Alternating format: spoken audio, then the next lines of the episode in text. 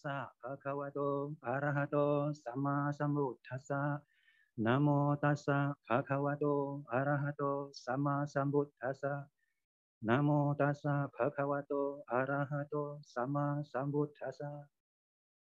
Athamang athamoti dipenti. Thamang thamoti dipenti. Selamat malam, Suki Hotu, Namo Buddhaya. Nah, eh, malam ini Bante sangat gembira dapat berjumpa dengan eh, para saudara-saudari di sini, di mana kita semua adalah para murid Buddha.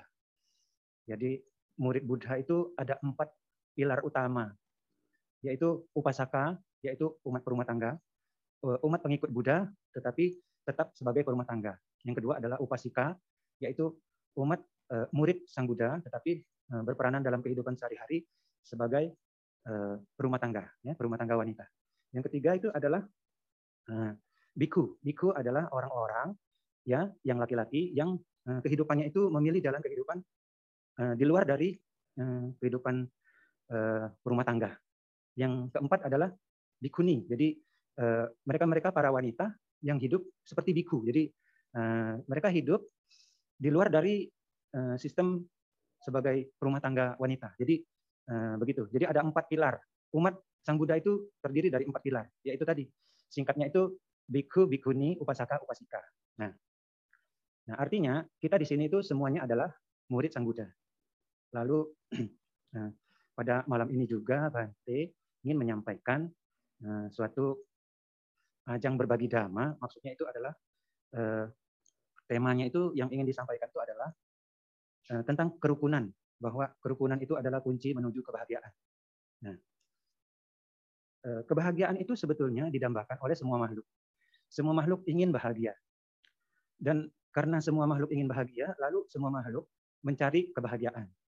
Ada yang menemukan, tapi kebanyakan tidak menemukan karena mungkin menemukan di tempat yang uh, tidak bisa memberikan kebahagiaan yang jangka panjang. Jadi pada umumnya kebahagiaan itu jangka pendek.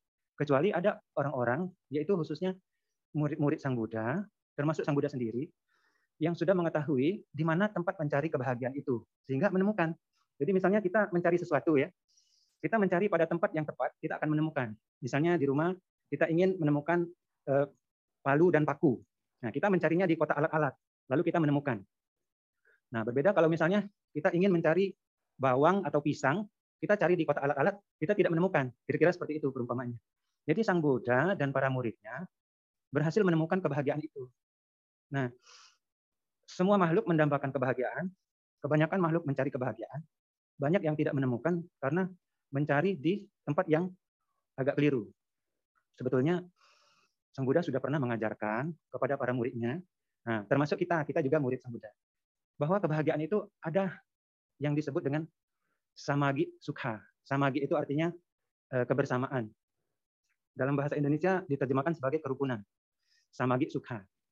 Jadi kalau kita baca di Iti Utaka 19, Sang Buddha menyampaikan bahwa di dunia ini adalah sesuatu yang sangat indah apabila para murid Sang Buddha itu eh, bersama-sama rukun dan damai. Maka dia disebut sebagai suatu samagi sukha. Kebahagiaan di mana kita para murid Buddha ini bersama-sama eh, bersatu, rukun dan bahagia. Samagi sukha. Kebahagiaan yang timbul dari kerukunan murid Buddha. Nah, di dalam Itiwutaka 19 juga dikatakan bahwa kerukunan para murid Buddha, yaitu termasuk kita, itu adalah sumber kebahagiaan bagi para dewa dan manusia. Nah, ini kata-katanya yang didulukan itu adalah para dewa dan manusia. Bukan bukan misalnya dibalik para manusia dan dewa, bukan. Dewa dulu yang disebutkan. Karena eh, sudah menjadi sifatnya para dewa itu sangat berbahagia melihat para murid Sang Buddha ini rukun dan damai. Sehingga mereka bersemangat untuk membantu para murid Sang Buddha. Ini sudah terjadi sejak dulu. Sejak ketika Sang Buddha masih hidup dan mengajar di India Utara. 2600 tahun yang lalu sudah demikian. Lalu apa sih yang disebut dengan kebahagiaan itu? Ada bermacam-macam definisi tentang kebahagiaan. Dari sudut pandang Buddhis, kita telah sering membaca dan memahami bahwa kebahagiaan itu adalah ketika penderitaan itu pudar dan lenyap. Misalnya, ketika kita duduk bermeditasi. Kaki kita kesemutan, pegal, sakit.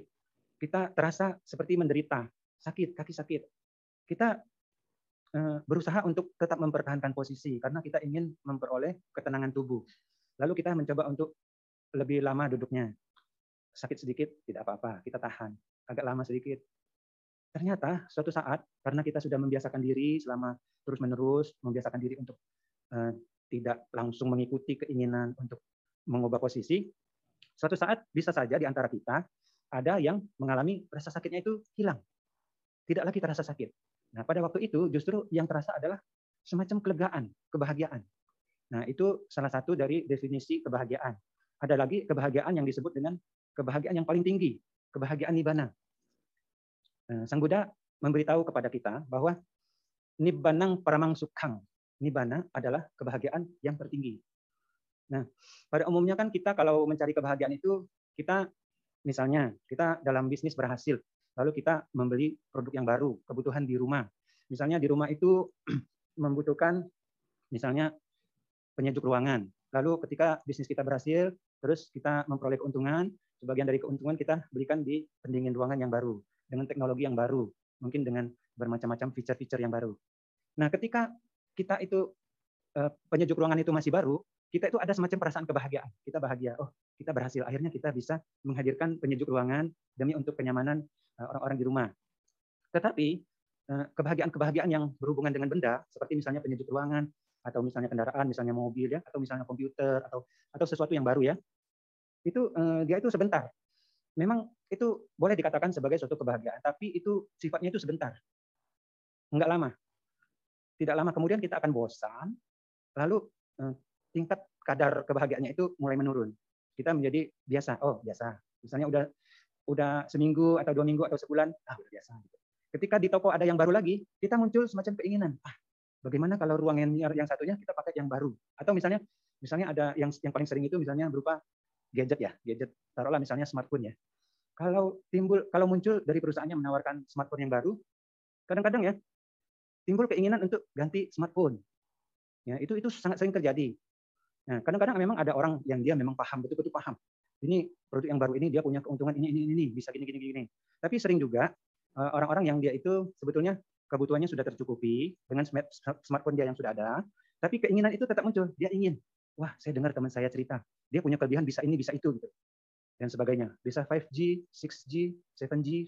Nah, eh, itu itu memang kita sudah terbiasa begitu. Nah, sejak kita masih kecil, kita memang sudah dibiasakan begitu. Mungkin di antara kita masih ingat ketika kita itu masih bayi, masih di dalam buayan, kita itu misalnya menangis ya, membutuhkan perhatian dari orang tua ya, misalnya kita sakit perut, perut kita kembung ya, itu kita nangis. Nah, orang tua kita itu kalau dia tahu bahwa kita sakit perut, dia akan misalnya memberikan obatnya misalnya minyak kayu putih dan sebagainya ya, minyak telon dan sebagainya ya. Tapi ketika kita itu menangis karena kita sudah terbiasa menangis dan mendapatkan perhatian, mungkin orang tua kita juga tahu ya, oh ini keadaannya tidak dengan sakit perut, misalnya perutnya itu tidak kembung ya, ditepuk-tepuk itu misalnya dia itu tidak bunyi ya, oh ini mungkin karena dia sedang kata orang tuh bete, mungkin lagi kesel. Nah kita itu dibelikan mainan yang kalau digerak-gerakkan itu bisa berbunyi, kerincing-kerincing gitu. Seketika perhatian kita itu tertuju kepada benda yang bisa menimbulkan suara itu. Atau mungkin kita dibelikan suatu sepeda-sepedaan sambil bisa latihan berjalan, juga bisa kalau pencet ini keluar lagu ini, pencet itu keluar lagu itu, kalau tekan ini keluar suara ini. Sehingga perhatian kita itu tersedot ke sana untuk sementara waktu. Nah, ketika perhatian seseorang itu tersedot kepada sesuatu, di situ dia bisa mengalami suatu efek yang mirip-mirip dengan kebahagiaan, mirip-mirip. Dia mengalami suatu ketenangan, mirip-mirip dengan ketenangan karena perhatiannya kesedot.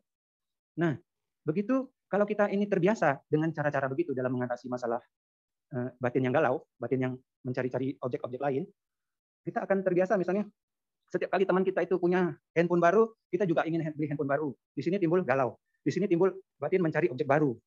Karena ingin merasakan ketenangan ketika mm, berhadapan dengan objek baru ini, handphone baru atau gadget baru ya. Tapi sebentar aja seminggu, sebulan itu udah pudar. Terus muncul lagi, muncul lagi. Kalau misalnya pengusaha yang sukses itu mungkin dia akan beli mobil baru, mobil baru. Setiap kali muncul mobil baru, dia ingin beli karena dia ingin merasakan ketika menyentuh, duduk dan bersama-sama dengan produk yang baru dia beli ini, dia merasakan ketenangan karena apa? Perhatiannya tersedot ke objek yang baru ini. Nah, eh, sebagaimana kita ketahui, Sang Buddha itu mengajarkan kepada para muridnya itu untuk bermeditasi. Nah, dan ternyata Sang Buddha itu adalah yang paling bahagia di dunia. Jadi apabila ada seseorang yang paling bahagia di dunia ini, dia adalah Sang Buddha itu sendiri. Sang Buddha itu sudah mencapai kebahagiaan yang tidak terukur, kebahagiaan yang sejati yang tertinggi, yaitu itu tadi, nibbanang paramang sukhang. Sang Buddha memberi, mengajari kita bahwa nibbana itu adalah kebahagiaan yang tertinggi. Tanpa harus selalu membeli mobil baru, tanpa harus selalu membeli HP baru, tanpa harus selalu membeli pendingin ruangan yang baru, tanpa harus selalu mencari objek baru untuk dihinggapi oleh batin ini. Karena batin kita ini kan selalu melompat ke sana kemari, mencari objek-objek baru dan ketika dia terpusat, dia merasakan ketenangan itu, dia ingin ketenangan ini, dia ingin kebahagiaan ini, dia mencari kebahagiaan ini. Kebahagiaan seperti inilah yang kira-kira didambakan, dicari oleh eh, semua makhluk. Semua makhluk ingin bahagia. Nah, sehingga boleh dikatakan eh, Sang Buddha itu adalah seorang dokter yang memberi kita resep. Resep untuk memperoleh kebahagiaan nah, yang tanpa harus selalu beli mobil baru, tanpa harus selalu beli gadget baru. Jadi eh, yaitu keterpusatan pikiran. Jadi kita berusaha di dalam meditasi yang diajarkan oleh beliau itu kita berusaha untuk menenangkan tubuh, lalu menenangkan batin, lalu memusatkan perhatian pada objek yang mudah kita bawa ke mana-mana, yang tidak harus beli. Nah, dengan memusatkan pikiran, walaupun tidak mempunyai apa-apa, tidak memiliki banyak benda, bisa berbahagia. Nah, Sang Buddha memiliki benda itu hanya delapan macam, delapan macam benda yang diperuntukkan oleh uh, untuk para biku. Ada delapan gitu ya. Para murid beliau juga, para murid beliau ya. Nah, di ketika Sang Buddha mengajar di India Utara 2600 tahun yang lalu, mereka para biku itu hidupnya sangat sederhana. Hanya memiliki jubah dan mangkok. Punya mangkok bisa makan, punya jubah nggak kedinginan. Nah, tapi mereka bahagia. Nah, ini aneh sekali. Mereka tidak memiliki tapi bahagia. Kalau misalnya dibuat menjadi suatu teori, ternyata penyebab kebahagiaan itu bukan berasal dari luar. Ternyata dari batin yang terkendali. Jadi Sang Buddha sudah berhasil mengendalikan batin Sang Buddha juga berhasil mengejar, mengajar murid-muridnya juga supaya bisa mengendalikan batin. Jadi batin itu dikendalikan. Awal-awalnya batin itu dikekang. Misalnya, hmm, kalau kita baca di dalam Majjhima Nikaya 118, Sang Buddha mengajarkan meditasi itu salah satunya adalah misalnya perhatian penuh kepada suatu objek misalnya nafas misalnya. Ini contoh aja. Nah, ketika memperhatikan nafas, keuntungannya itu adalah dia ini tidak harus dibeli. Dia itu tidak harus dibawa-bawa, enggak berat. Eh, ketika kita sedang duduk atau berjalan atau berdiri atau berbaring, yaitu bisa kita perhatikan.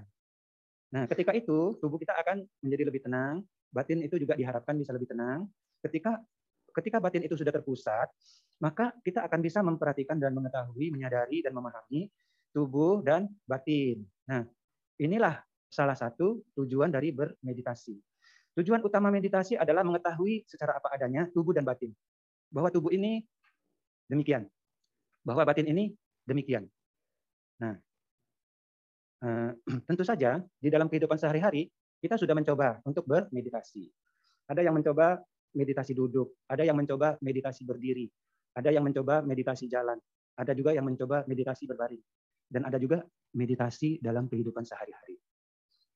Apakah meditasi dalam kehidupan sehari-hari itu? Yaitu kita melakukan kegiatan kita dengan penuh perhatian, dengan pikiran yang terpusat dan pikiran yang tidak lari ke sana kemari. Pikiran ditujukan untuk memahami yang sedang kita lakukan.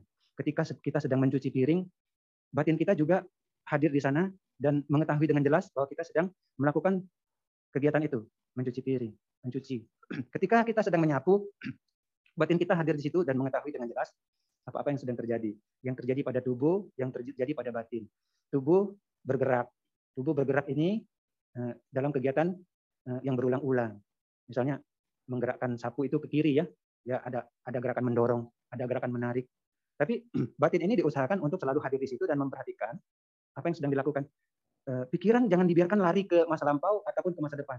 Pikiran tidak dibiarkan untuk lari menuju ke sesuatu yang disukai atau tidak disukai. Pikiran itu dijaga supaya jangan mengikuti kejengkelan atau kemarahan. Pikiran ini tidak dibiarkan untuk mengejar kesenangan indrawi dan juga tidak dibiarkan untuk melakukan penyiksaan diri. Nah, kira-kira seperti inilah jalan tengah yang diajarkan oleh Sang Buddha. Jalan mulia berfaktor delapan. Jalan mulia berfaktor delapan ini disebutkan bahwa ini adalah jalan langsung satu arah. Nah, Bapak dan Ibu tentu sudah sering melewati jalan satu arah. Jadi misalnya di jalan raya itu kan ada jalan yang satu arah, nggak boleh ke sini, tapi harus ke sana semua. Nah, kira-kira perumpamannya seperti itu.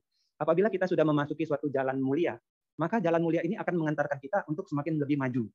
Nah, ini disebut misalnya jalan itu adalah jalan dhamma, ya, jalan mulia berfaktor delapan. Apabila kita sudah menapak di jalan yang mulia, maka kita itu akan menuju keadaan yang lebih luhur, mulia. Nah, jadi ketika kita eh, kita kembali lagi kepada ajaran mengendalikan batin tadi. Batin ini kita kendalikan supaya dia jangan lari mengejar kesenangan indrawi, dia jangan lari menuju kepada suatu kejengkelan tapi diarahkan selalu kepada pikiran luhur. Selalu diarahkan supaya batin kita itu berkutat di pikiran luhur.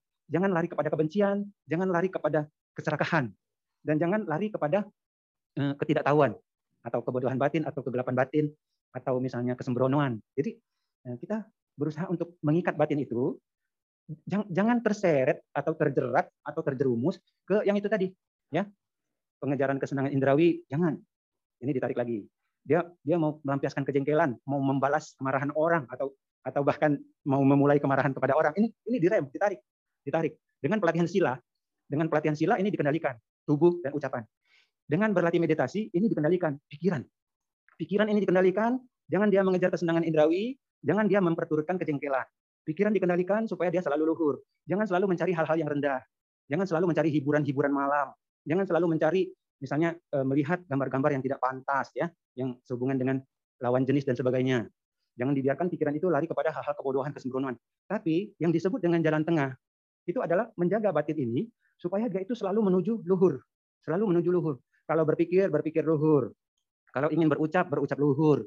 Kalau ingin bertindak, bertindak luhur. Misalnya apa? Misalnya berbuat kebajikan, menghormati ayah dan ibu, itu adalah kebajikan yang sangat kuat. Kemudian kebajikan yang lain adalah menjaga sila, mencegah dari eh, pembunuhan makhluk hidup, mencegah dari mengambil barang yang tidak berikan, termasuk mencegah dari merusak barang milik orang lain. Ini sila kedua.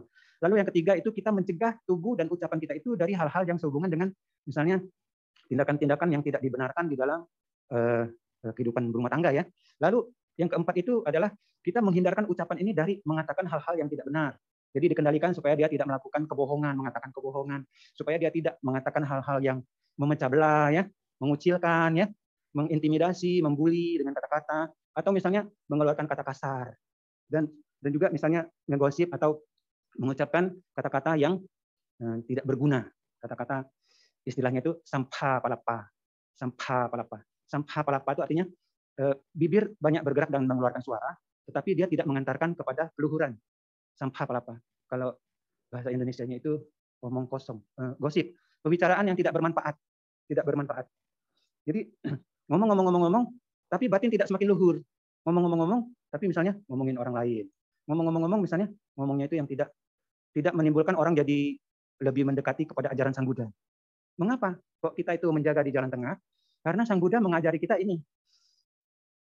Bayangkan, empat asangkya kalpa yang begitu panjang, ditambah dengan seratus ribu kalpa yang begitu panjang. Kemudian Sang Buddha mencapai pencerahan sempurna. Lalu Sang Buddha mengajarkan kepada kita, ini adalah warisan yang sangat berharga. Lebih berharga dari seluruh planet dan bintang yang ada di galaksi, di seluruh alam semesta ini. Semua emasnya, semua permatanya, semua berliannya yang ada di semua planet, semua bintang, semua eh, benda-benda di seluruh alam semesta ini.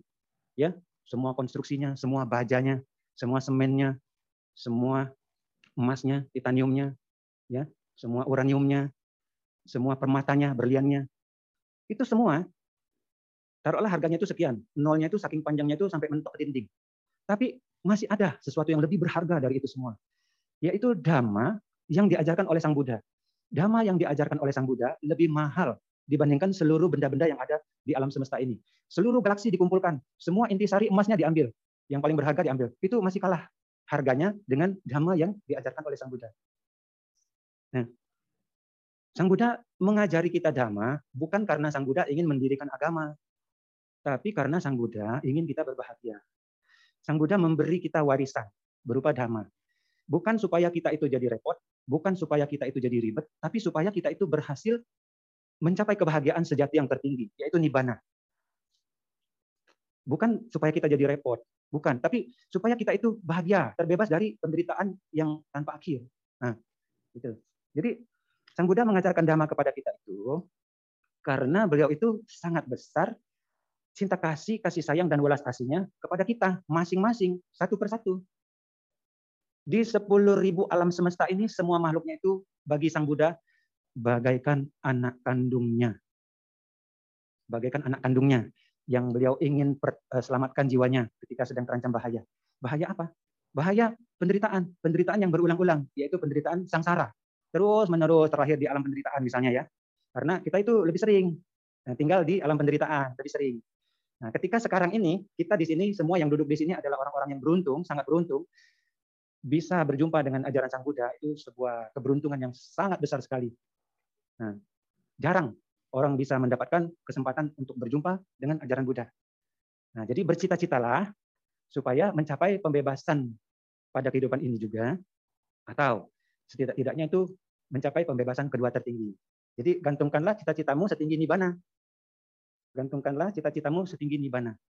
Jadikanlah nibana itu sebagai stasiun tujuanmu, Nah, kalau kita naik suatu kendaraan kan kita misalnya kita naik kendaraan umum, misalnya kita naik MRT atau LRT atau misalnya naik kereta ya, itu kan dia ada tujuan akhir, terminal tujuan akhir. Nah, ini nah, diumpamakan tujuan kita, tujuan kita terlahir di dunia ini adalah mencapai nibana. Di kehidupan lampau kita belum berhasil mencapai pencerahan sempurna, sehingga ketika itu kita belum memasuki parinibbana, sehingga terpaksa harus terlahir kembali. Di kehidupan ini kita tujuan dari kita lahir ini adalah untuk mencapai kebahagiaan sejati yang tertinggi, nibana, di kehidupan ini. Seandainya, seandainya itu belum tercapai di kehidupan ini, keburu kita misalnya karena baik pendukung kehidupannya habis, lalu kita harus pindah alam ya. Nah diharapkan pada waktu itu kita sudah cukup mempunyai tabungan kebajikan yang bisa mendorong kita ke alam Brahma yang tinggi, misalnya alam, alam Sudawasa. Yaitu hmm, dikatakan orang bahwa kalau kita itu mempunyai batin yang seperti anagami, ya sudah mencapai kesucian yang tidak mendambakan kesenangan.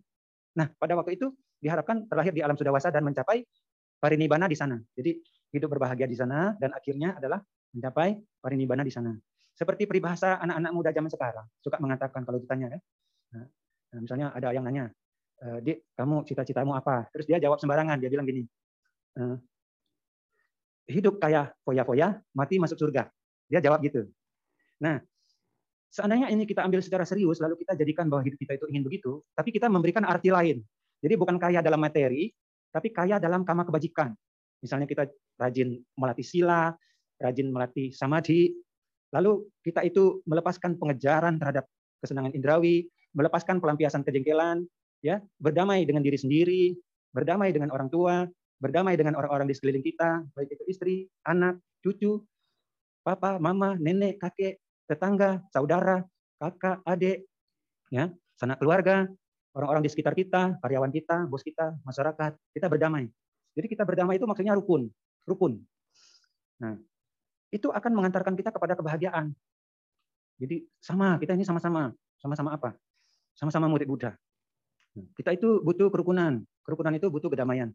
Kedamaian itu butuh berdamai. Berdamai dengan diri sendiri dulu. Setidak-tidaknya kalau kita tidak bisa berdamai dengan orang lain, kita berdamai dulu dengan diri sendiri dulu. Yaitu kita berusaha untuk tenang. Kita berusaha untuk mem, mem, mencapai ketenangan batin. Nah, bagaimana cara untuk mencapai ketenangan batin? Yaitu kita jangan mengejar hiburan. Kalau kita mengejar hiburan, batin kita itu selalu tergoncang bersama-sama dengan hiburan itu. Kalau beberapa waktu yang lalu, eh, bahkan sampai hari ini ya, itu banyak orang, dia hidupnya itu setelah dia bekerja keras di siang hari, malamnya dia cari hiburan malam, dia cari dangdut atau dia cari musik. Nah, ketika dia sedang di dalam acara itu, dia merasa bahwa dia itu sedang berbahagia. Tapi sebetulnya, sebetulnya dia itu sedang menderita. Karena apa? Karena ketika dia berada di acara mencari hiburan itu, mencari hiburan malam, ya, minum minuman keras, bergaul dengan orang-orang yang tidak menjaga sila, sebetulnya batinnya itu sangat goncang, seperti gempa bumi 11 skala Richter.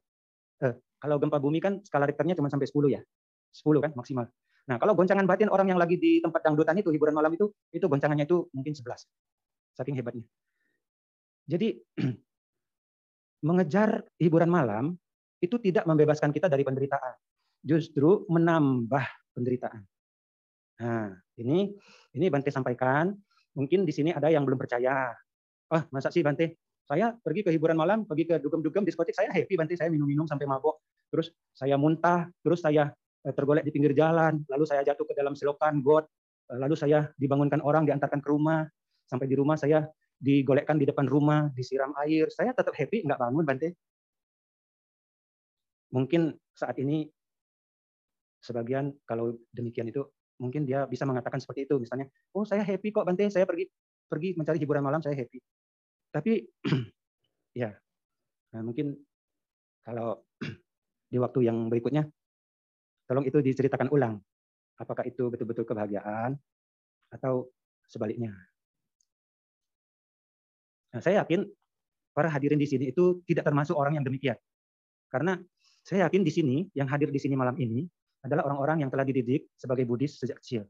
Sehingga dihindarkan, dijaga, dirawat, dan eh, tidak dibiarkan terjerumus ke dalam kehidupan yang demikian. Misalnya mencari kesenangan semu melalui pencarian hiburan malam ya. Kayaknya enggak deh, kayaknya enggak ke situ. Karena kan di dalam masyarakat Buddhis diajarkan sila ya. Tentu tidak ya, saya yakin tidak ya.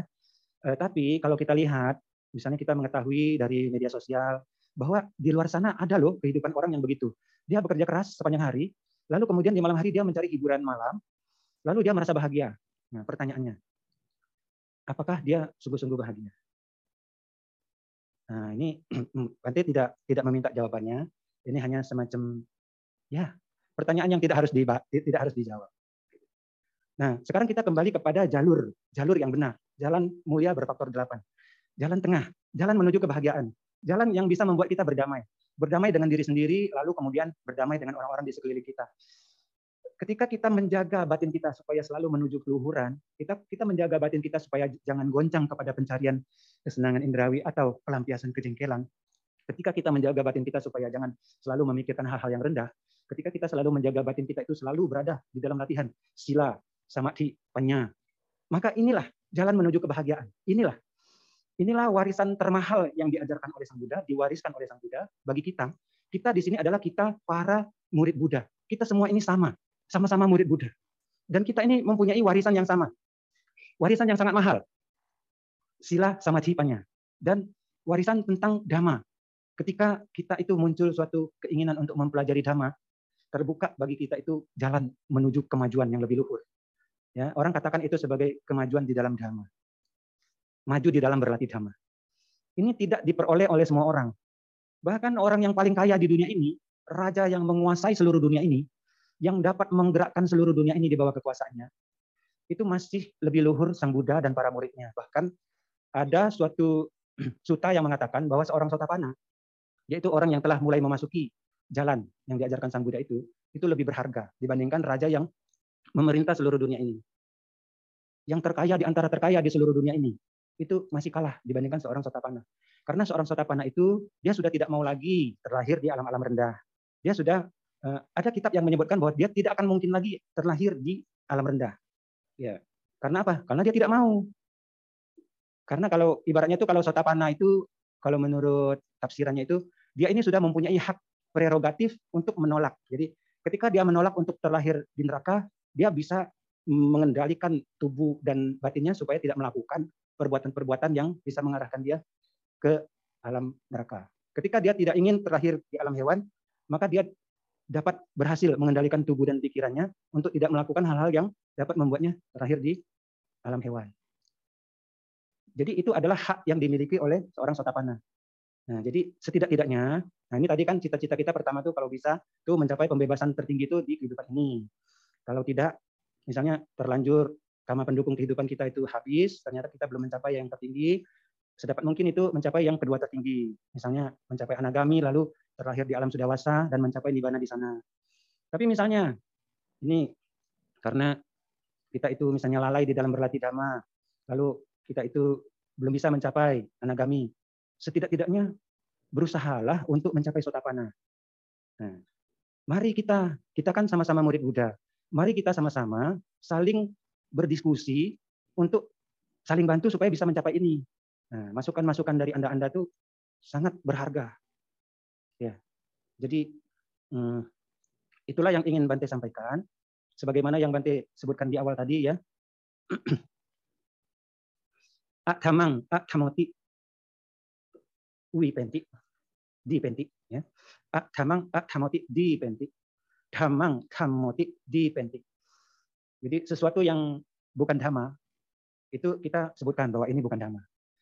Kita jelaskan bahwa ini bukan dhamma. Sesuatu yang bukan ajaran Buddha, kita beritahu bahwa ini sebetulnya bukan ajaran dari Buddha.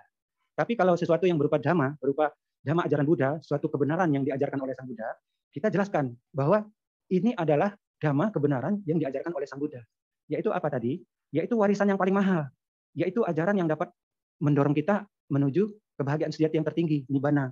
Yaitu suatu arah di mana kita itu berusaha mendekatkan diri kepada jalan mulia berfaktor delapan. Apa-apa kegiatan yang dapat mendekatkan kita kepada jalan mulia berfaktor delapan, maka itu adalah kegiatan yang menguntungkan, kegiatan yang bermanfaat, berguna, yang baik, positif, berkebajikan.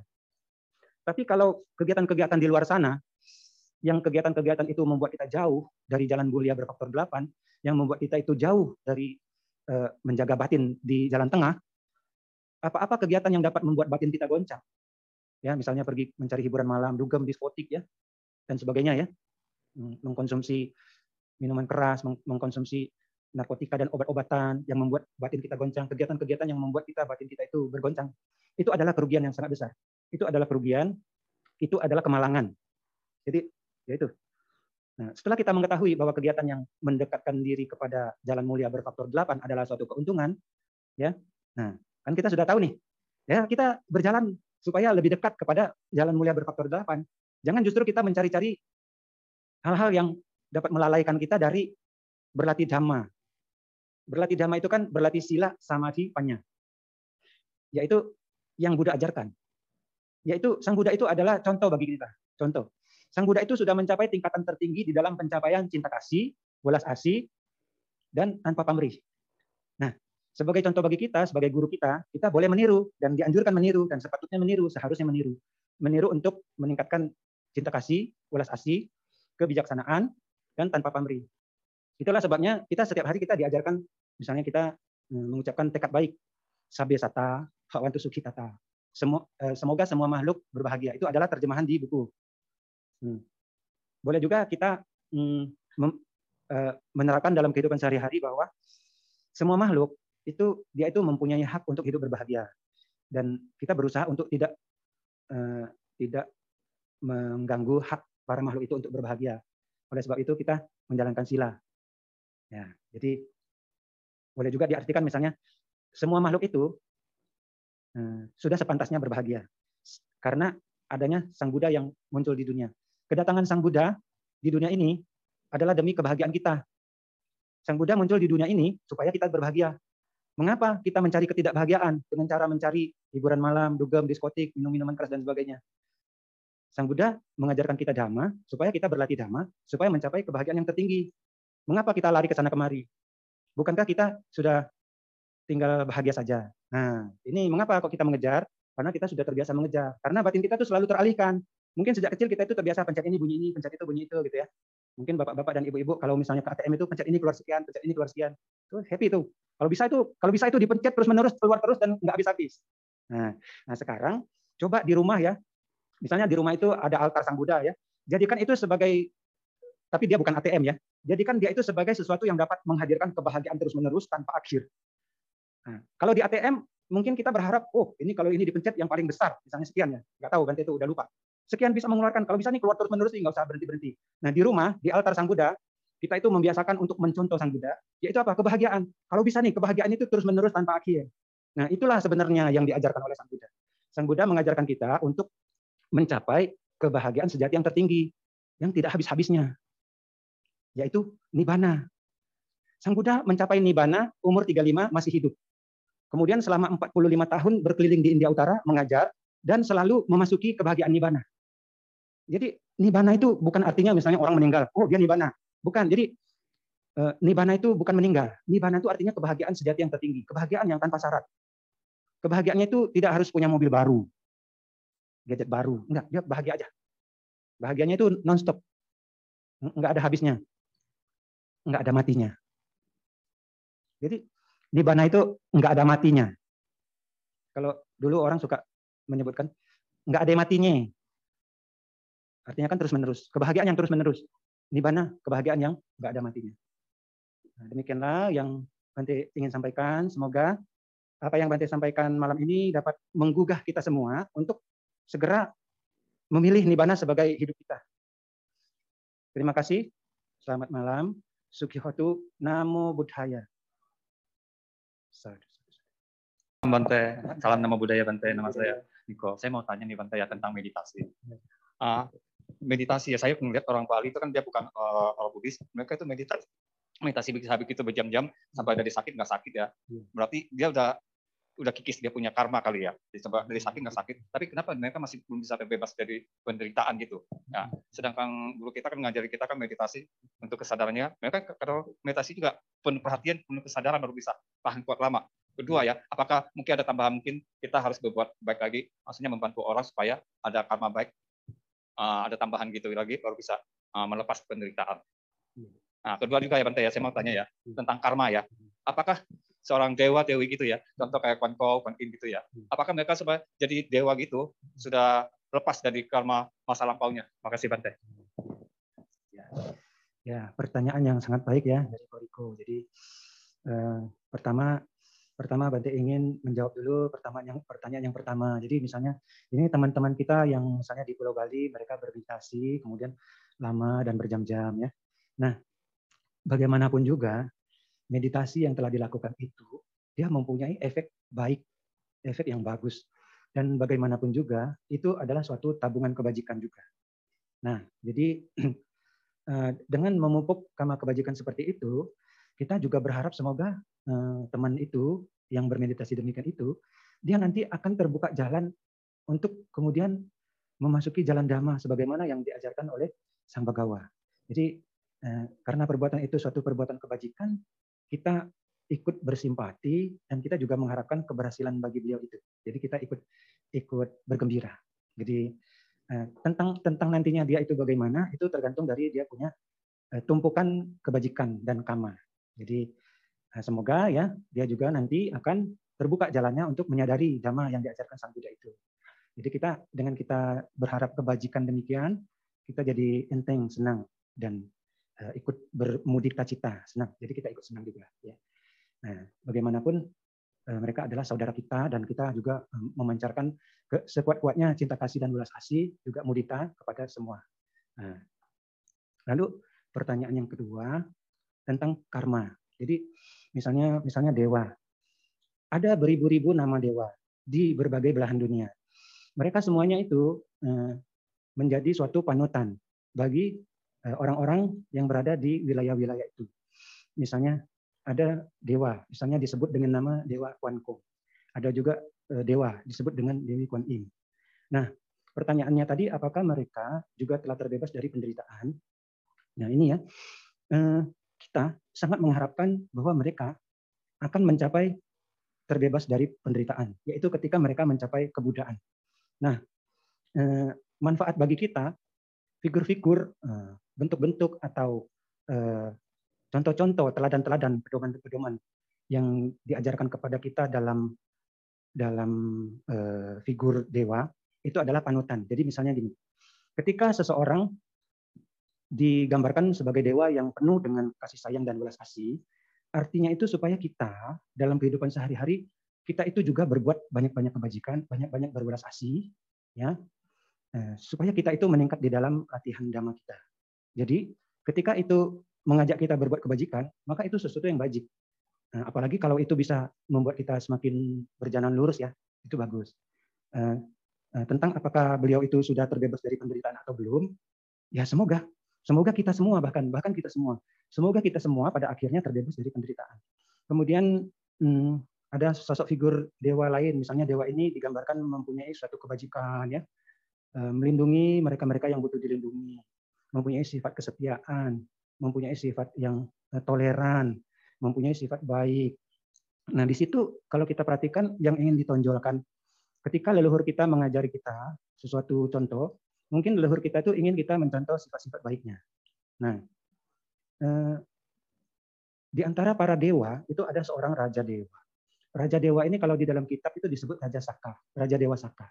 Nah, beliau ini adalah murid Sang Buddha yang kemudian pada akhirnya mencapai pembebasan dalam tingkat sotapana. Jadi Raja Dewa, Raja Saka, Dewa Saka, itu setelah berguru dengan Sang Buddha, suatu saat beliau mencapai sotapana. Nah, hal ini juga tidak menutup kemungkinan banyak dewa-dewa lain yang juga mencapai sotapana. Misalnya, ketika Sang Buddha masih hidup, beberapa muridnya itu mencapai sotapana. Lalu beliau-beliau ketika meninggal terlahir sebagai dewa. Dan siapa-siapa yang mempunyai ikatan kama kebajikan dengan beliau, ada kemungkinan beliau itu misalnya berusaha membantu, misalnya dengan uh, mengingatkan ketika kita lupa, ya, mengingatkan ketika kita lalai, atau ikut bergembira ketika kita mau berbuat kebajikan, ketika kita mau berlatih meditasi, dia menyemangati kita dengan berbagai cara yang dia bisa. Nah, uh, disebutkan di dalam kitab bahwa para dewa ketika Sang Buddha parinibbana, parinibbana ya, para dewa itu ada yang sudah mencapai sotapana, ada yang belum mencapai sotapana. Hmm, para dewa yang masih banyak kemelekatannya dan masih mempunyai uh, ketidaktahuan, mereka itu menangis berguling-guling. Tapi para dewa yang sudah uh, mencapai tingkat-tingkat pemahaman yang lebih tinggi, itu mereka bisa uh, menjaga kelakuannya dan uh, bersikap sangat baik, sangat teratur. Itu. itu bisa kita baca di dalam Sutta namanya Mahaparinibbana Sutta di kitab Digha Nikaya. Nah, jadi eh, kira-kira kira-kira demikian jawabannya Bante. Nah, apakah eh, jawaban ini memuaskan atau tidak? Apabila misalnya kalau jawaban ini belum memuaskan, nanti ditulis saja, nanti kirim ke Bante, nanti Bante balas. Ya, satu saja. Ya, Wandami Bante, satu nama budaya. Ya, saya ada dua pertanyaan Bante. Jadi pertanyaan pertama, uh, jadi ada seseorang yang uh, cenderung uh, terjebak dalam pelanggaran sila yang bahkan sudah menjadi suatu kebiasaan hmm. dalam kehidupannya sehari-hari. Entah itu sila 1, 2, 3, 4, atau 5. Yeah. Uh, jadi begini Bante, ada orang yang terjebak dalam pelanggaran sila ini yang sudah menjadi kebiasaan. Hmm. Ada dia yang ibaratnya uh, terjebak dalam pelanggaran sila ini hmm. sampai meninggal dunia. Yeah. Tapi ada juga orang yang ter, uh, bisa ibaratnya ter, terbebas dari pelanggaran, maksudnya kebiasaan pelanggaran sila ini. Mungkin itu karena tersadarkan sesuatu atau ada orang lain yang membantunya, uh, misalnya untuk keluar dari uh, supaya tidak melanggar sila lagi gitu Bante. Yang saya tanyakan adalah apa yang ibaratnya menyebabkan seseorang itu uh, bisa uh, ada karma karma baiknya berbuah sehingga dia bisa terbebas dari uh, kebiasaan pelanggaran sila tersebut dan apa yang menyebabkan seseorang bisa terjebak uh, dalam pelanggaran sila yang menjadi kebiasaan sampai meninggal dunia tersebut. Jadi mungkin juga uh, Bante bisa tolong gitu ya dengan jawaban Bante. Mungkin kita yang ibaratnya mengalami sendiri gitu yang yang terjebak dalam pelanggaran sila sebagai kebiasaan sehari-hari, apa yang ibaratnya uh, mungkin uh, yang mendengar jawaban Bante bisa mengikuti uh, saran Bante ya step-stepnya dari awal uh, misalnya entah itu kita memunculkan uh, buah karma baik uh, supaya kita bisa terbebas dari pelanggaran sila ini ataupun uh, bisa menjadi suatu batu loncatan supaya kita benar-benar bisa terbebas dari kebiasaan pelanggaran sila ini Bante. Hmm. Kemudian yang kedua Bante, uh, Sotapana itu yang pernah saya dengar adalah ia yang akan terlahir tujuh kali lagi gitu Bante ya. Jadi apakah uh, seorang Sotapana itu pasti akan menjadi seorang arahat uh, terbebas maksudnya terlepas itu mungkin di kelahiran dua atau tiga empat lima enam tapi yang pasti di kelahiran ketujuh paling tidak dia pasti akan menjadi seorang arahat gitu Bante. Jadi kalau misalnya seandainya memang menjamin seperti itu, apakah uh, ada jaminan gitu kan seorangnya sudah menjadi sotapana hmm. akan misalkan uh, terakhir di alam apa gitu kan?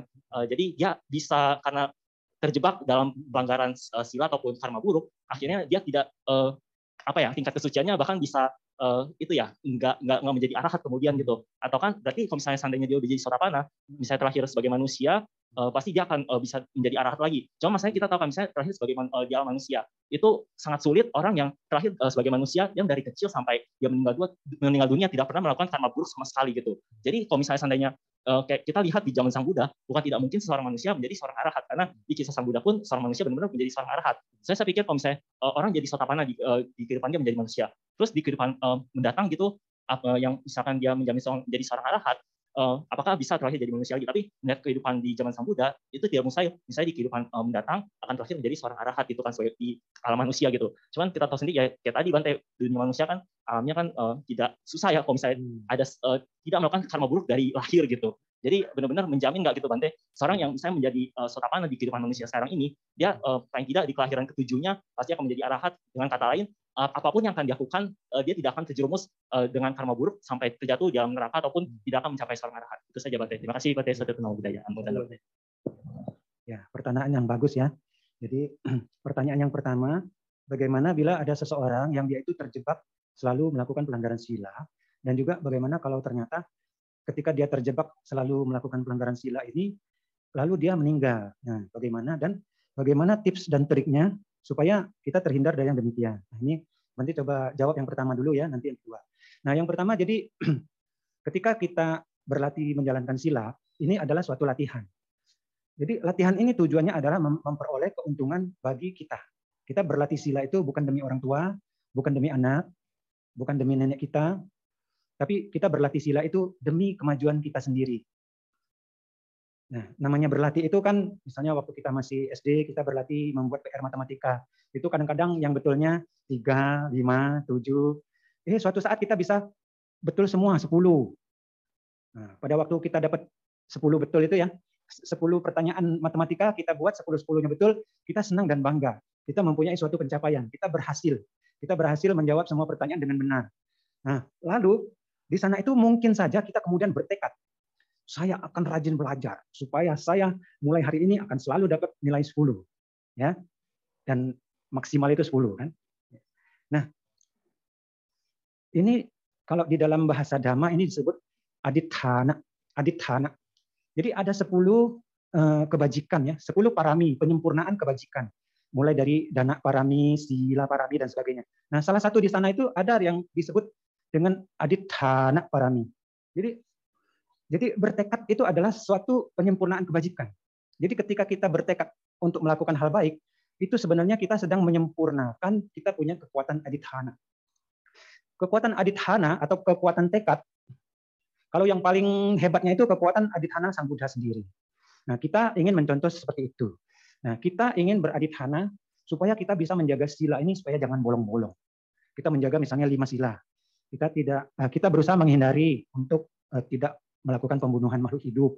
Terus sila 2, 3, 4, 5. Terus karena kita beradithana, bertekad supaya kita itu menjalankan sila ini dengan sebaik-baiknya, maka timbullah yang namanya itu semangat, wirya. Timbul semangat. Wirya ini bagaikan api yang memasak air. Nanti suatu saat airnya itu masak. Ketika airnya masak bisa digunakan untuk menyeduh kopi, membuat teh dan sebagainya atau bikin bubur. Jadi suatu pencapaian mempunyai manfaat. Bagaikan Bagaikan air yang berhasil dipanaskan sampai mendidih, bermanfaat untuk menyeduh kopi, membuat teh atau membuat bubur, begitu juga wirya, semangat kita untuk menjalankan sila yang terus-menerus dikorbarkan, itu akan mendorong kita untuk berhasil, bermanfaat. Nah, manfaat dari menjaga sila itu sendiri adalah kita itu hidupnya itu akan bahagia. Ketika kita selalu menjaga sila, selalu berusaha ya, kita bertekad untuk menjaga sila ya, maka kita akan terakhir kembali sebagai manusia dalam kondisi yang lebih baik. Jadi salah satu keuntungan dari menjaga lima sila adalah akan terlahir kembali sebagai manusia dalam kondisi yang lebih baik. Nah itu ya. Nah ini bisa didapatkan kita bersemangat di dalam melatih sila kita bersemangat. Nah itu diawali dengan apa? Dengan keyakinan, keyakinan kepada Buddha, Dhamma dan Sangha. Apabila kita mempunyai keyakinan yang semakin kuat terhadap Buddha, Dhamma dan Sangha, ya. Jadi kita yakin bahwa Sang Buddha itu sungguh-sungguh telah mencapai pencerahan sempurna, telah mengetahui dhamma dengan sebenar-benarnya, telah mengajarkan jalan menuju pembebasan kepada para muridnya, dan telah mengajarkan kebenaran sejati, yaitu dhamma. Nah, ya, kita mempunyai keyakinan terhadap Buddha dan dhamma. Lalu kita mempunyai keyakinan kepada para murid Buddha, para Arya Sangha, murid-murid Sang Buddha yang diajari caranya, lalu juga mencapai pencerahan seperti Sang Buddha sendiri. Ya, Artinya kita sudah mempunyai keyakinan atau sadha yang kuat terhadap tiratana, Buddha Dhamma Sangha. Ini adalah suatu tenaga yang sangat besar supaya kita bisa bertekad dan bersemangat di dalam menjaga sila. Nah, jadi kalau misalnya ada pertanyaan, nanti bagaimana supaya seseorang ini dia jangan selalu jatuh di dalam pelanggaran sila. Nah, dia harus uh, baterainya dicas, baterai adithana, baterai wirya. Jadi dia harus beradithana. Saya bertekad akan melatih diri menghindari perbuatan buruk ini ini ini. Yaitu sila itu kan. Nah, jadi kekuatan tekad ini adalah uh, sumber dari keberhasilan menjaga sila. Keuntungan-keuntungan itu datang kepada orang yang menjaga sila. Kemajuan di dalam berlatih dhamma. Ketenangan batin, kebahagiaan dhamma, hidup yang uh, hidup yang tenang dan damai. Kalau orang yang menjaga sila, itu dia akan hidup dengan tenang. Kalau orang yang selalu melanggar sila, kehidupannya nggak tenang. Misalnya seorang perampok, dia itu kan melanggar sila kedua, bahkan bisa sila kelima, sila keempat, sila ketiga, sila pertama, semua sila dia bisa langgar. Seorang perampok. Apakah hidupnya bahagia? Rasa-rasanya tidak. Kehidupannya mungkin merasa dikejar-kejar. Dikejar apa ya? Dikejar kesalahan. Dikejar rasa takut. Takut dipergoki, takut diciduk, takut dijemput. Hmm. Jadi manfaat menjaga sila dalam kehidupan ini sangat nyata, yaitu mendapatkan ketenangan hidup yang tenang. Dari sana kita dalam rangka melatih dhamma akan bisa naik level, yaitu melatih samadhi, melatih pengembangan batin. Kalau kita mau bermeditasi, kita harus menjaga sila terlebih dahulu ketika kita sudah menjaga sila, kemudian kita bermeditasi, ini adalah kebajikan yang dapat mengantarkan kita sampai-sampai ke alam Brahma. Alam Brahma ada 20. Ada 20 alam Brahma. Istana-istana, kerajaan-kerajaan, surga-surga Brahma itu ada 20 tingkatan. Semakin tinggi tingkatannya itu semakin luar biasa kemampuannya. Kalau alam dewa-dewa yang penuh kenikmatan itu ada enam. Ada enam. Ditambah dengan alam manusia itu jadi 27. 20 plus 6 plus 1, 27. Nah, 27 ini adalah alam yang disebut sugati. Jadi alam tujuan yang baik. Su itu artinya baik, sugati itu artinya uh, tujuan, tujuan yang baik, sugati. Alam alam yang bahagia. Jadi ketika kita punya kenalan atau saudara sanak famili yang uh, meninggal dunia, kita mendoakan semoga dia uh, menuju alam bahagia, sugati dan lebih baik lagi. Nah, di bawah itu ada empat alam menderita. Jumlahnya hanya empat, hanya empat. Tapi bagi mereka yang lalai, hanya empat tapi paling sering dikunjungi kalau lalai. Jadi usahakan tuh aditana diperkuat. Aditana itu kalau bisa dia punya voltase itu dinaikkan. Kalau misalnya ibarat baterai itu kalau dia udah tegangannya udah turun ya, kalau bahasanya di sini namanya baterainya udah swap ya. Pas diukur, loh kok baterai ini yang seharusnya satu setengah volt, kok cuma 0,8 volt. Pantesan dia itu menjaga silanya itu maju mundur, mudah tergoda untuk melanggar sila. Ini karena baterainya kurang kuat. Baterainya ganti dengan yang baru atau baterainya dicas. Atau eh, baterainya itu dijaga supaya terus-menerus kuat. Bila perlu, ini ditingkatkan kekuatan baterainya itu dengan baterai yang alkalin atau dengan baterai yang lithium ion. Jadi dengan voltase yang ditingkatkan, kekuatannya meningkat. Begitu juga dengan aditana. Voltase baterai aditana itu diperkuat dan di-upgrade. Kalau misalnya selama ini menjaga lima sila, baterainya itu dicas supaya menjaga lima silanya nggak bolong-bolong. Nah, nanti kalau udah pandai, coba berlatih delapan sila. Kalau berlatih delapan sila ini ibaratnya itu orang mengupgrade dia punya baterai itu jadi uh, lithium polimer, lithium ion. Ya. Nih, kalau udah berlatih delapan sila itu udah bagus ya, aditanya kuat, wirianya kuat, berlatih sila delapan sila nggak bolong-bolong. Berlatih sila sama nera, sepuluh sila. Nah, ibaratnya itu dia tuh mengupgrade ke baterai yang untuk itu tuh untuk alat elektronik tuh yang ada baterai baterai namanya tuh baterainya baterainya itu nggak perlu diisi air. Dia bisa dicas nah nanti kalau misalnya udah pandai menjaga sila samanera coba ditingkatkan menjaga sila biku ya. 227 sila. Ini ibarat orang itu mengupgrade baterainya ke baterai ini eh, mobil yang 12 volt ya. Nanti kalau sudah itu dilatih terus menerus kekuatan adithananya untuk benar-benar dia mencapai dia upgrade lagi. Dia upgrade lagi dengan latihan yang lebih benar dan terarah, lebih serius ya. Yaitu seperti baterainya mobil truk yang di jumper, jadi 24 volt ya. Nah, inilah kekuatan adithana itu ibaratnya itu mengupgrade baterai. Jadi kita tingkatkan tekad kita untuk melatih sila ini dengan mengingat manfaat-manfaat menjaga sila ini bagi kita. Jadi kita menjaga sila itu bukan demi orang lain, bukan demi orang tua, bukan demi anak, tapi demi kita, demi kemajuan kita di dalam perjalanan ini. Kita belum mencapai, oleh sebab itu kita masih terlahir. Tujuan kita terlahir adalah supaya mencapai itu. Untuk mencapai itu diperlukan tenaga. Jadi adithana itu adalah tenaganya. Wirya semangat itu adalah supaya maju, mendorong roketnya. Ibarat roket itu didorong dengan bahan bakar. Kalau roket itu didorong dengan bahan bakar padat, sehingga dia bisa beroperasi walaupun di ruang angkasa yang tanpa udara, tanpa oksigen. Nah, demikian juga adithana dan wirya itu bagaikan bahan bakar roket yang mendorong kita untuk terus-menerus melatih sila. Nah, kira-kira begitu. Kemudian yang pertanyaan yang kedua, jadi tentang seorang sotapana disebutkan di dalam kitab Abhidhamma maksimal dia akan terlahir itu tidak lebih dari tujuh kali kelahiran lagi dan kemudian dia akan mencapai arahat di situ ya pencapaian terakhir. Nah di dalam kitab Abhidhamma juga dapat kita lihat penjelasan bahwa seorang sotapana itu ada ada yang eka bijin. Eka itu artinya satu, bijin itu artinya benih bibit. Jadi dia bisa terlahir satu kali lalu mencapai arahat. Bisa. Jadi tidak menutup kemungkinan setelah dia mencapai sotapana, lalu dia menjadi arahat. Bahkan banyak yang ketika Sang Buddha masih mengajar, dia mencapai sotapana, lalu melanjutkan latihan ya dhamma, lalu mencapai arahat. Itu banyak. Kemudian ada yang misalnya beberapa kali dia terlahir di keluarga baik-baik atau terlahir di alam dewa. Kemudian eh, misalnya dua kelahiran, tiga kelahiran kemudian dia mencapai arahat. Ada. Ada juga yang eh, dua, tiga, empat, lima, enam, kemudian maksimal tujuh, maksimal tujuh. Nah, ini disebutkan bukan hanya di dalam kitab Abhidhamma, di dalam kitab Sutta juga disebutkan tentang kelahiran yang tidak lebih dari tujuh kali itu. Nah, tapi ya eh, itu jangan dipusingkan. Karena itu akan terjadi dengan sendirinya ketika kita beradithana dan berwirya di dalam menjaga sila, lalu berlatih samaci dan berlatih panya. Nah, eh, pertanyaan yang kedua ini lebih berhubungan dengan panya. Karena pertanyaan yang kedua, kalau yang pertama itu kan berlatih sila. Ini adalah latihan yang pertama dari tiga latihan. Sila, samaci, panya. Nah, latihan sila ini adalah awal. Kemudian harus dilanjutkan dengan latihan samaci. Ini adalah latihan pertengahan. Harus dilanjutkan dengan latihan panya. Karena latihan panya inilah yang dapat membebaskan. Ini disebut dengan ti sika tiga latihan. Nah, ini ditingkatkan dengan latihan adi sila, adi samadhi, dan adi panya.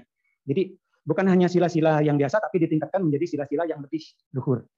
Lalu inilah yang disebutkan oleh Sang Buddha, mengajarkan dhamma yang indah pada awalnya, yaitu latihan sila, indah pada pertengahannya, yaitu latihan samadhi, dan indah pada akhirnya, yaitu latihan dan keberhasilan dalam latihan panya. Ya, latihan panya. Nah, pertanyaan yang kedua tentang sotapana dan mencapai arahat itu lebih berkaitan dengan panya. Karena dengan kekuatan ketajaman panya inilah seseorang dapat mencapai sotapana, sakadagami, anagami, arahat. Sang Buddha mencapai pencapaian kebudayaan yang paling tinggi sama Sang Buddha, ya itu setelah empat asangkya kalpa dan ribu kalpa. Karena beliau itu ketika menjadi seorang bodhisatta dan bertekad mencapai kebudayaan, beliau itu Eh, termasuk yang disebut dengan bodhisatta yang panyadika. Panyadika itu artinya eh, beliau itu menyempurnakan kebijaksanaan. Jadi beliau itu paling sempurna dalam kebijaksanaan. Selain itu juga ulas asih dan tanpa pemberi. Nah, kita juga kita sebagai murid Buddha, kita juga mencontoh beliau.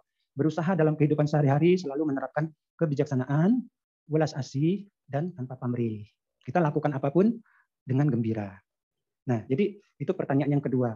Lalu pertanyaan yang kedua ini eh, sehubungan dengan sotapana ini ya, apakah di situ ditanyakan apakah seorang arahat itu eh, seorang sotapana yang kemudian terakhir kembali berlatih dhamma lalu mencapai arahat, apakah dia terakhir kembali? Jawabannya adalah ketika dia mencapai eh, kebebasan tertinggi, pencerahan tertinggi arahat, dia itu sudah tidak ada lagi bibit untuk terakhir kembali. Jadi benih-benih yang dapat membuat dia terakhir kembali itu sudah tidak ada. Eh, disebutkan di dalam Ratana Sutta bahwa eh, ketika seseorang mencapai pencerahan yang tertinggi itu bagaikan tidak ada lagi bibit yang bisa tumbuh. Dia nggak tumbuh lagi. Tidak ada lagi benih yang bisa tumbuh. Dia tidak ada lagi kemunculan sangkara di dalam batinnya. Di dalam arus batin beliau itu, yang mencapai arahat itu, sudah tidak ada lagi muncul sangkara dan winyana. Karena beliau itu sudah menghilangkan awija, di dalam batinnya itu awijanya hilang. Ketika awija hilang, tidak ada lagi yang namanya makhluk, orang, dewa. Yang ada hanyalah kumpulan sementara dari unsur-unsur. Karena sementara maka dia akan terurai. Ketika dia terurai dia tidak ada. Ketika dia tidak ada nah, dan kemudian dia tidak ada kondisi-kondisi yang mendorong dia untuk muncul kembali, dia tidak muncul. Kalau dia tidak muncul, berarti dia nibana.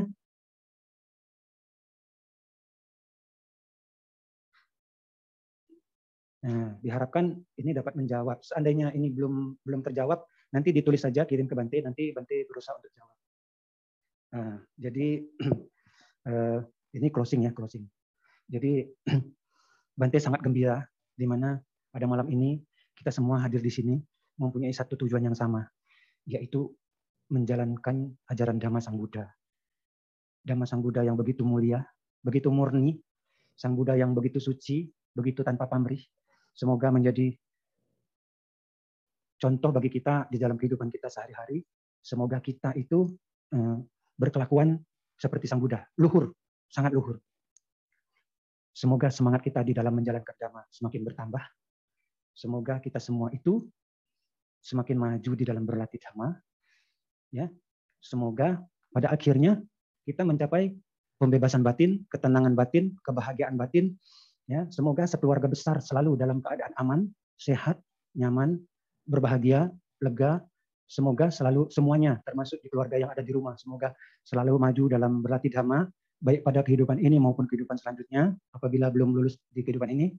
Kemudian eh, semoga semuanya pada akhirnya mencapai kebahagiaan sejati yang tertinggi nibbana. Sadu, sadu, sadu.